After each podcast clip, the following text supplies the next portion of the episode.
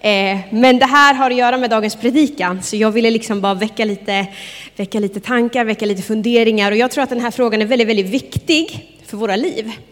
Jag tror att det är viktigt att veta att det finns ett syfte, att det finns en mening, att vi inte bara är en slump, att det finns en plan för våra liv.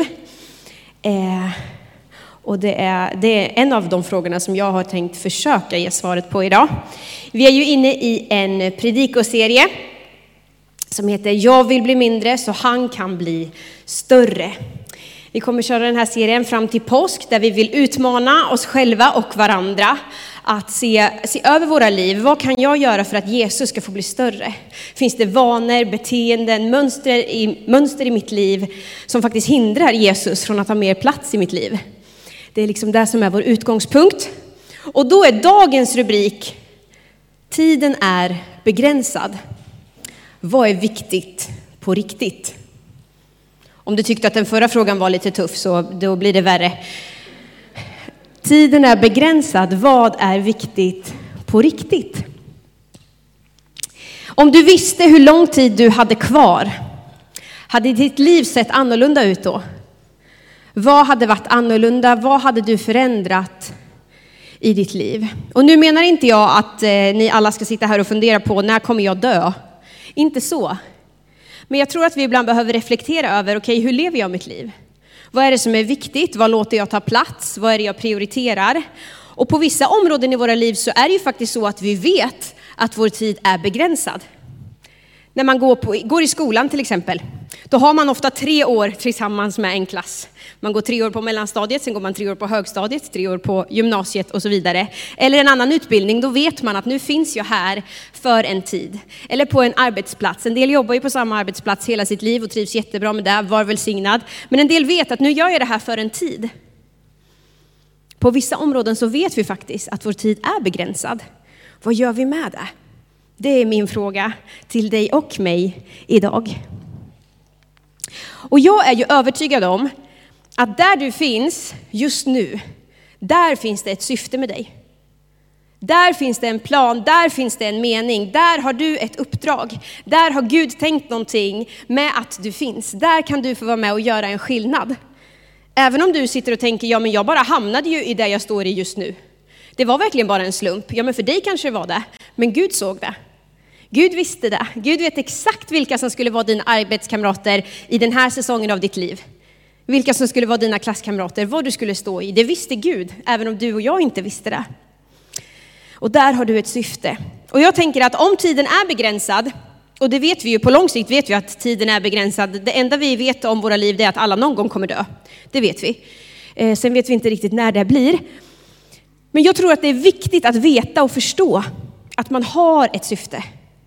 Att det finns en plan, att du inte är en slump, oavsett vart du är och var du befinner dig i ditt liv just nu. Och Jesus, han visste att hans tid var begränsad. Han var också väldigt medveten om sitt uppdrag. Han visste att han kom till jorden med ett specifikt uppdrag, med ett specifikt syfte, med en kallelse över sitt liv och han visste också när hans liv gick mot sitt slut. Och det för oss in i dagens text, så vi ska gå till Matteus 26. Och så ska vi kolla på en av Jesu, liksom, det här är sista natten Jesus lever här på jorden. Och så ska vi försöka dra några lärdomar ur den här texten. Men vi läser tillsammans i eh, Matteus 26, vers 36 och framåt. Sedan gick Jesus med dem till en plats som kallas Getsemane och han sa till sina lärjungar, sätt er här medan jag går dit bort och ber. Han tog med sig Petrus och Sebedaios båda söner och han greps av sorg och ångest. Och han sa till dem, min själ är djupt bedrövad ända till döds. Stanna här och vaka med mig. Han gick lite längre fram, föll ner på sitt ansikte och bad, min far, om det är möjligt, så låt den här bägaren gå förbi mig, men inte som jag vill, utan som du vill. Han kom tillbaka till lärjungarna och fann att de sov. Då sa han till Petrus, så ni kunde inte vaka en enda timme med mig. Vaka och be att ni inte kommer i frestelse. Anden är villig, men köttet är svagt. Sedan gick han bort för andra gången och bad, min far, om den inte kan gå förbi mig, utan jag måste dricka den, så ske din vilja. Han kom tillbaka och fann återigen att de sov, för deras ögon var tunga av sömn. Då lämnade han dem och gick åter bort och bad för tredje gången med samma ord igen. Sedan gick han till lärjungarna och sa till dem, sover ni fortfarande och vilar er? Nu är stunden här då Människosonen utlämnas i syndarens händer. Res på er nu, res på er, nu går vi. Han som förråder mig är här. Det här är Jesus sista natt i frihet. Han vet att det här är dagen innan. Han ska ge sitt liv för mänsklighetens synd. Det är det som ska hända. Och han ber sina lärjungar följa med honom till den här trädgården, Getsemane trädgård, för han behöver be. Och då kan man ju känna så här, men wow, vad har den här berättelsen med mig att göra och med det här du precis sa? Jag, jag kände också så när jag började förbereda det här. men eh, häng med mig. För precis som jag sa så visste Jesus sitt syfte. Han visste att det här var en del av den planen Fadern hade för honom. Han visste att dö för mänsklighetens synd var en del, eller var varför han kom till den här jorden. Det var Jesu uppdrag. Han visste att hans tid var begränsad. Och vi kan inte jämföra ditt och mitt uppdrag med Jesu uppdrag. Ingen av oss kommer få uppdraget att bära mänsklighetens synd. Tack Jesus för det, för det har han redan gjort. Så det är inte det. Men vad kan vi se i hur Jesus väljer att prioritera den tiden han hade? Och hur kan vi applicera det på våra liv? Det är den kopplingen och parallellen jag här försöker göra tillsammans med er. Jesus levde i det syftet Fadern hade för honom. Och det syftet han hade var att komma hit, predika evangelium och dö för mänsklighetens synd. Och jag tror att på samma sätt som om vi väljer att leva i det syftet Gud har för våra liv, försöka leva i den planen Gud har, då kommer det också ibland innebära kamp och motstånd. Det kommer ibland vara svårt, det kommer ibland vara tufft. Sen tror jag inte vi kan jämföra vår kamp med Jesu kamp. För han hade ett mycket, mycket större uppdrag. Men jag tror vi kan dra lärdomar ur vad Jesus gjorde och ha honom som förebild som vi försöker ha på så många andra områden i våra liv. Så vad gör Jesus och vad säger det till oss idag? Min första punkt är att han delar tiden med de som står honom närmast och han ber dem om hjälp. Han säger följ med mig in i trädgården. Han säger också vaka och be med mig. Inför det stora uppdraget som väntade, inför det här svåra som Jesus visste skulle ske dagen efter, så känner han här att nu måste jag vara med de som står mig närmast. Jag måste vara med min far, jag måste be och jag vill ha hjälp att be. Han säger vaka och be med mig, dela den här kampen med mig. Han väljer att spendera sina sista timmar tillsammans med de som stod honom närmast. Han hade kunnat hålla en predikan till. Han hade kunnat hela några fler människor. Han hade kunnat gjort några fler under. Borde inte det varit det bästa Jesus skulle gjort med sina sista timmar, kan man ju tänka. En till hade fått höra budskapet om evangelium. Men han gör inte det här. Utan han samlar sina absolut närmsta vänner omkring sig och säger var med mig, be med mig, hjälp mig, bär mig i bön. Och jag tror att du och jag på samma sätt behöver ha nära vänner i våra liv som vi kan dela vårt syfte med. Som vi kan dela vår kamp med, som vi kan säga, hej stå med mig tillsammans i det här. Jag vet att det här är det Gud har tänkt för mitt liv och det kommer inte alltid vara enkelt. Så kan du vara med mig, vaka och be med mig, dela livet med mig. Jag tror att det är så viktigt. Och det behöver ju inte vara inför så här stora livsavgörande händelser som det var för Jesus. Oftast är det kanske inte det. Men det kan vara att man känner att jag vill orka stå emot det där skitsnacket som alltid uppstår på våra kafferaster på jobbet. Vet du, då tror jag att vi behöver nära vänner som vi kan dela det med och säga, hej kan du vara med mig och be för det här? Jag vill liksom vara en motpol mot den här sunkiga kulturen som finns på min arbetsplats. Det är inte enkelt, be med mig för det. Vaka med mig i det här. Det tror jag är så viktigt. Det är inte fel att spendera tid med sina nära vänner som man bryr sig och tycker mycket om. Ibland så tycker jag att vi pratar om det här med att, liksom, att leva i sitt syfte, att leva i sin kallelse. Och då tänker vi att säga, ja, men då är det helt fel att vara med de som man redan känner. För då måste vi bara vara med de människorna som ännu inte känner Jesus. Då måste vi hela tiden finnas där ute och bara göra det där. Men hur ska vi orka göra det där om vi inte också liksom omger oss med de som bygger upp oss? Hur ska vi orka vara ett ljus och ett salt i den här världen om jag inte också omger mig med människor som, som delar det som brinner i mitt hjärta? Jag tror att det är jätteviktigt att vi precis som Jesus har de där vännerna i våra liv. Det kan vara en, det kan vara två, det kan vara femton. Jag vet inte, femton kanske är väldigt många att ha som riktigt nära vänner, jag vet inte. Det ser olika ut för oss. Men vilka är de här människorna i ditt liv? Som du kan dela ditt syfte med?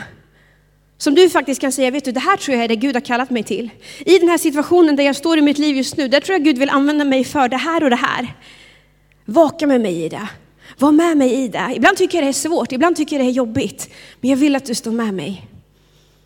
Jag skulle vilja att du funderar över det idag. Vilka är de människorna i ditt liv?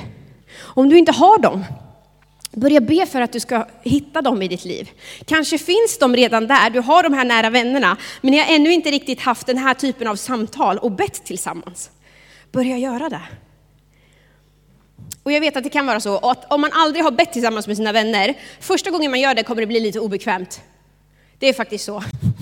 Det kan vara jättesprudlande stämning, jättehärligt, jättetrevligt och sen säger man, ska, ska vi be tillsammans? Då blir det jättekonstig stämning. Ni kanske aldrig har varit med om det, men jag har varit med om det. I ett rum med bara kristna så kan det ibland bli jättekonstig stämning när man säger, ska vi be tillsammans? För att vi inte har gjort det förut. Våga vara den som säger, hej, ska vi inte be också? Och så kan det få bli naturligt, så kan det få bli en naturlig del eh, av er gemenskap. Vi kan med Jesus som förebild se att vi precis som honom behöver ett inlopp och ett utlopp i våra liv för att orka kunna stå i det syftet som Gud har kallat oss till. Okej, det var min första punkt. Punkt två. Det som är rätt är inte alltid lätt. Det som är lätt är inte alltid rätt. Snarare tvärtom skulle jag vilja säga. Vi kan som sagt inte jämföra vårt uppdrag med Jesu uppdrag. Men här skulle vi också kunna identifiera oss med lärjungarna. Jesus ber dem att vara med honom i hans svåra stund, vaka och be med mig. Och de misslyckas. Förmodligen så hade de ju inte riktigt förstått det stora uppdraget som Jesus stod inför. Han hade ju sagt det. Människosonen kommer utlämnas, jag kommer dö, jag kommer uppstå på den tredje dagen. Det hade han sagt flera, flera gånger. Men vi ser också att de förmodligen inte riktigt hade fattat det, ville inte förstå vad det var Jesus sa. Men här ber han dem, stå med mig i det här. Och de misslyckas. Det lärjungarna var där för att göra, det syftet de hade den här natten, att stå där tillsammans med Jesus, det misslyckades de med. Det klarade de inte av. Och då säger Jesus till dem så här att anden är villig, men köttet är svagt. Vet ni att det pågår en kamp i oss hela tiden mellan anden och köttet? Guds ande har tagit plats i våra liv.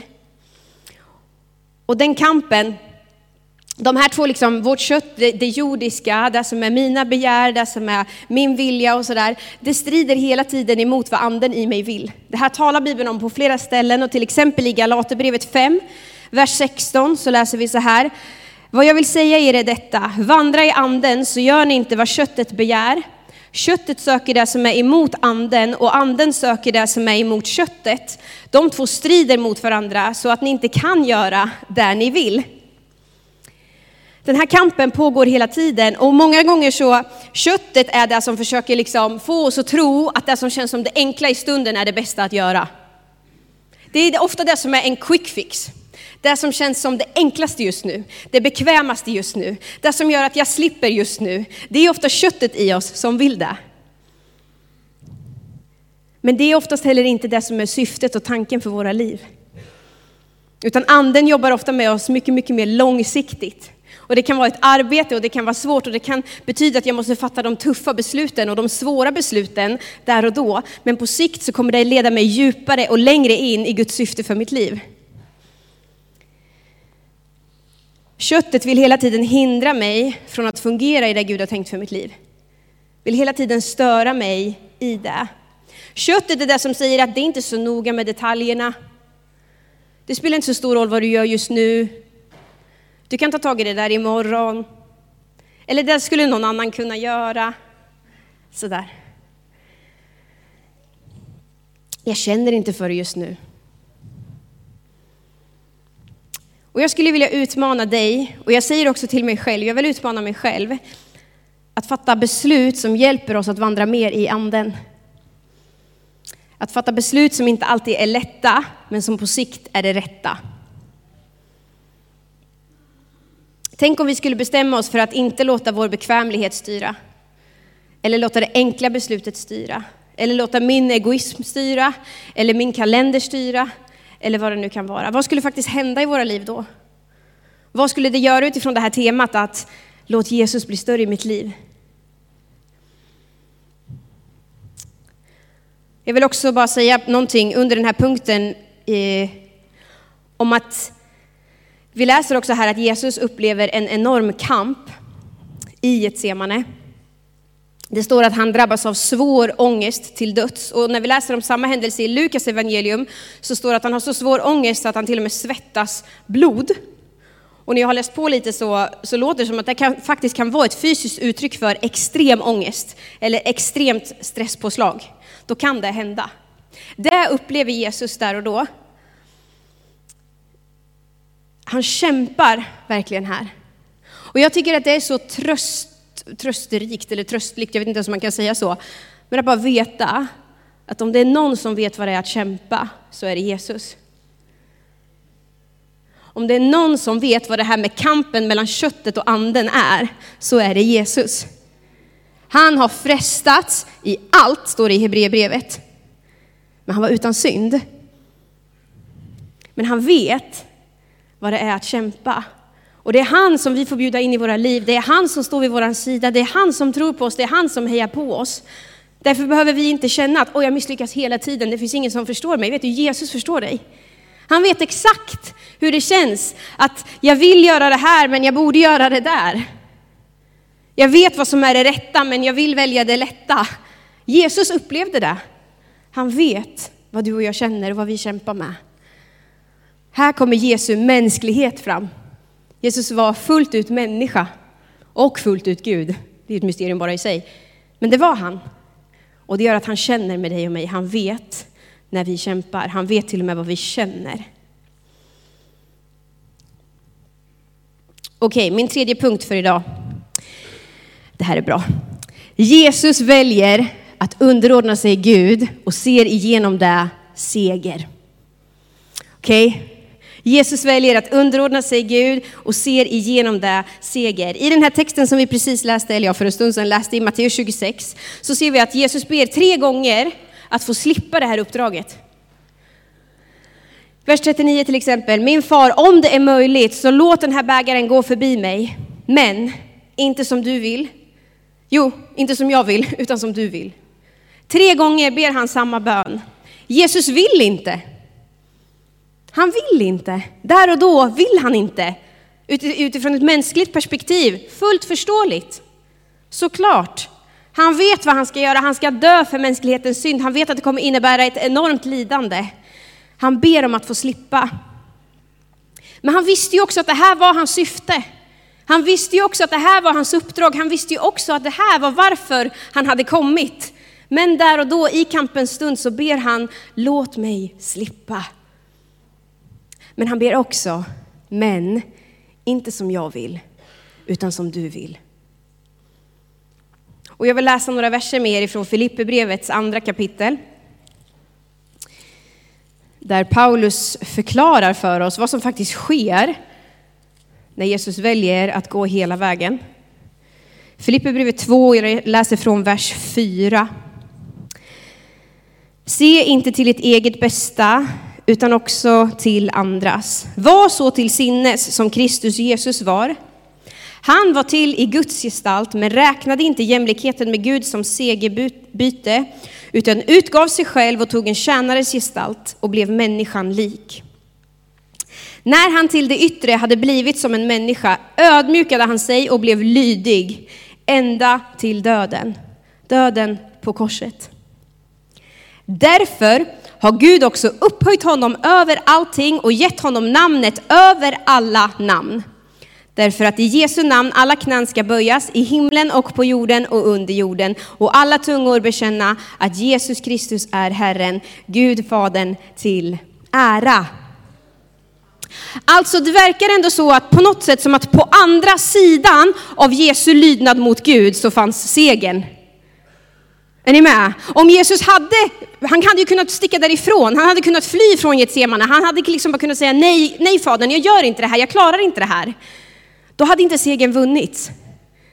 Men på grund av att han väljer att lyda Gud och faktiskt låta den här bönen bli en verklighet. Ske inte min vilja utan din. Han blir tillfångatagen, han blir plågad, han blir dödad.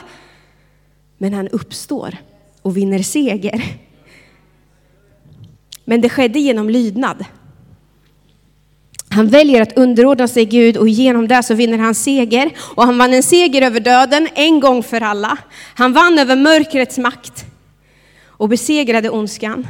Men det fanns på andra sidan av lydnaden. Och vi lever ju i den seger som Jesus vann för oss.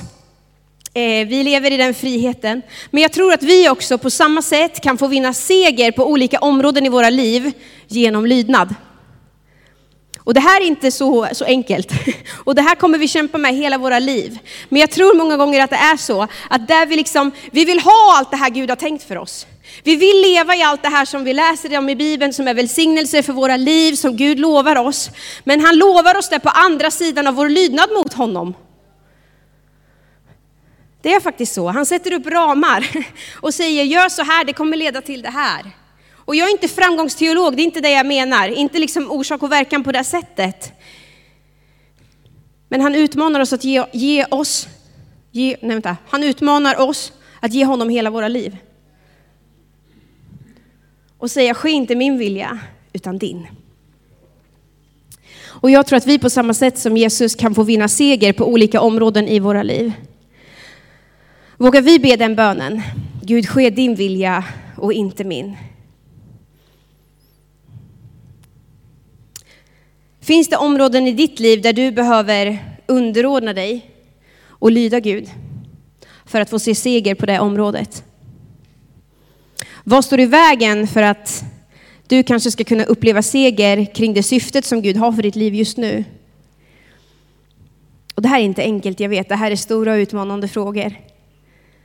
Men låt oss då komma ihåg vem det är som, stå, som vill stå med oss i det här. Det är Jesus själv.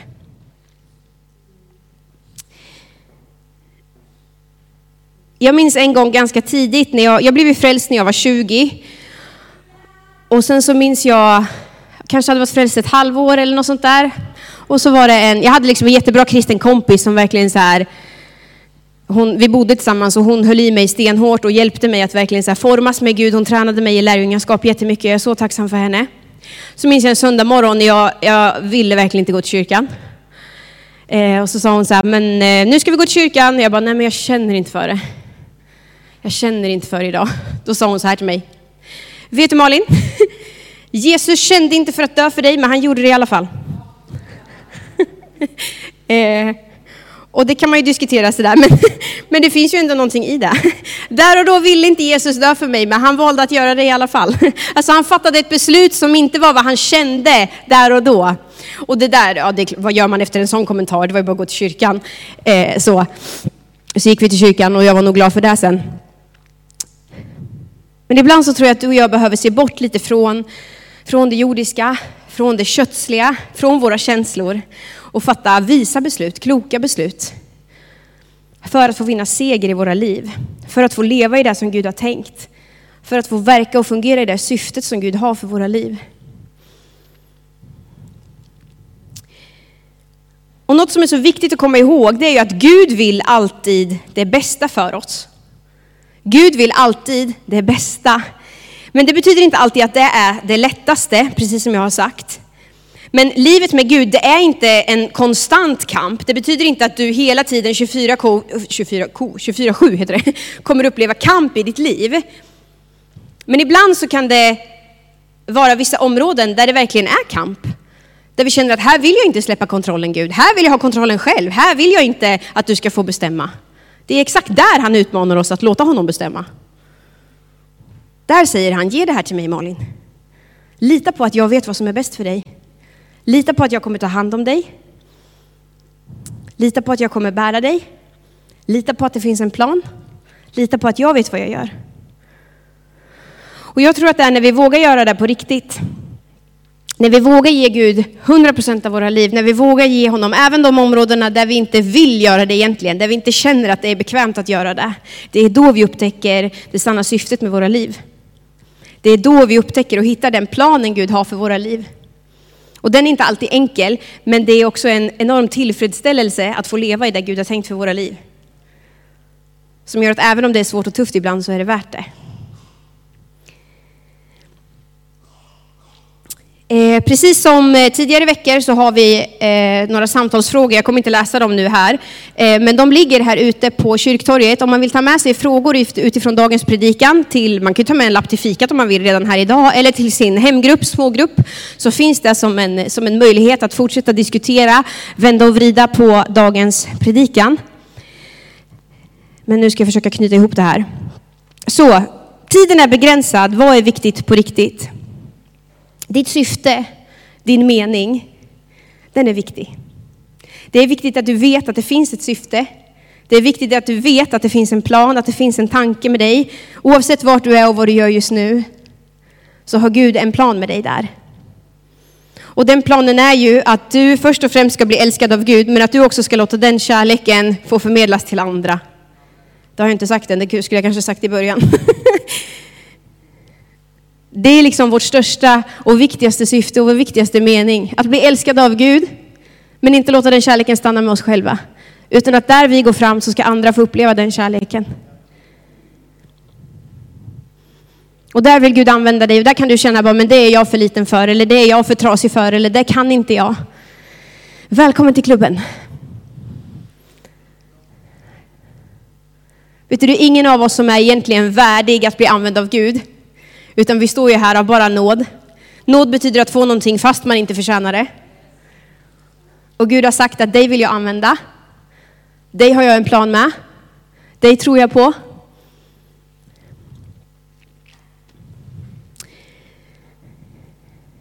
Jag tror det är viktigt att du delar ditt syfte med andra i din närhet som kan stötta dig, som kan hjälpa dig.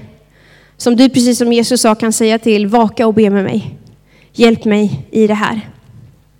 Och att leva i det rätta kommer inte alltid vara det lätta.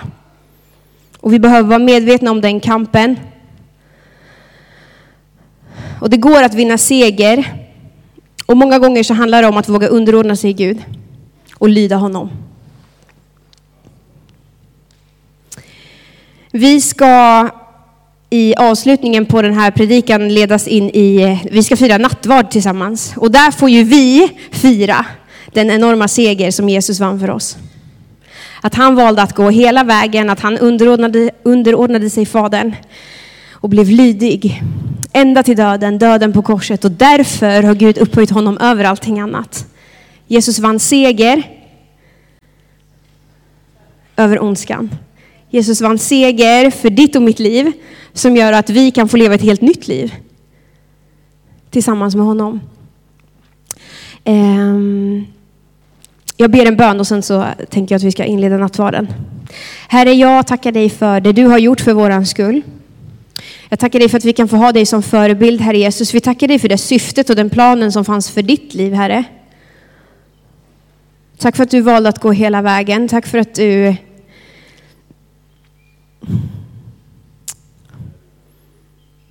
Tack för att du gav allt Jesus. Och Herre, vi ber att vi ska få bli mer lika dig. Jag ber att du ska få ta större och större plats i våra liv, Herre Jesus. Och Gud, jag ber att vi ska få ha nära relationer som liksom kan hjälpa oss och stötta oss i, i det syftet och den planen du har för våra liv, Herre Jesus. Herre, jag ber att anden ska få ta mer plats i oss, Herre. Jag ber att du ska hjälpa oss, utmana oss att fatta beslut som är inte alltid lätta, men som är de rätta för våra liv, Herre Jesus. Gud, så ser du kanske på vilka områden i våra liv där vi känner att vi skulle behöva vinna seger just nu. Hjälp oss, Herre, att våga lyda dig. Hjälp oss att våga göra det som du utmanar oss att göra, att göra det som du har sagt att vi ska göra. Tack att du är liksom en trygg famn att överlåta sig i. Tack att du är tryggheten själv. Tack att du är trofast, Herre Jesus. Tack för att du står fast vid vad du har lovat. Och tack för att du vet vad som är bäst för oss. Tackar dig för varje människa som är här, alla som följer oss via sändningen, Herre Jesus. Jag tackar dig för varje plan, för varje syfte, för varje situation, Herre Jesus. Gud, du ser den just nu som känner sig ovärdig att följa dig. Jag ber att du ska fylla den med din ande, att du ska fylla den med frimodighet, Herre Jesus. Jag ber att du skulle på något sätt, men Gud, hjälp oss att se och förstå att du har kallat oss till någonting där vi finns just nu. Att det finns en plan, att det finns ett syfte med våra liv, Herre Jesus. Så hjälp oss att inte förminska det. Hjälp oss att inte liksom förminska oss själva i det, Herre Jesus, utan det är du som har kallat oss. Det är du som har sagt att jag vill använda er, Herre. Fyll oss med din kärlek ännu mer så att din kärlek kan få men bara spilla över till de vi möter, Herre Jesus. Vi ber så i Jesu namn. Amen. Amen. Ni som ska betjäna i nattvarden, ni kan få göra er redo. Och så ska vi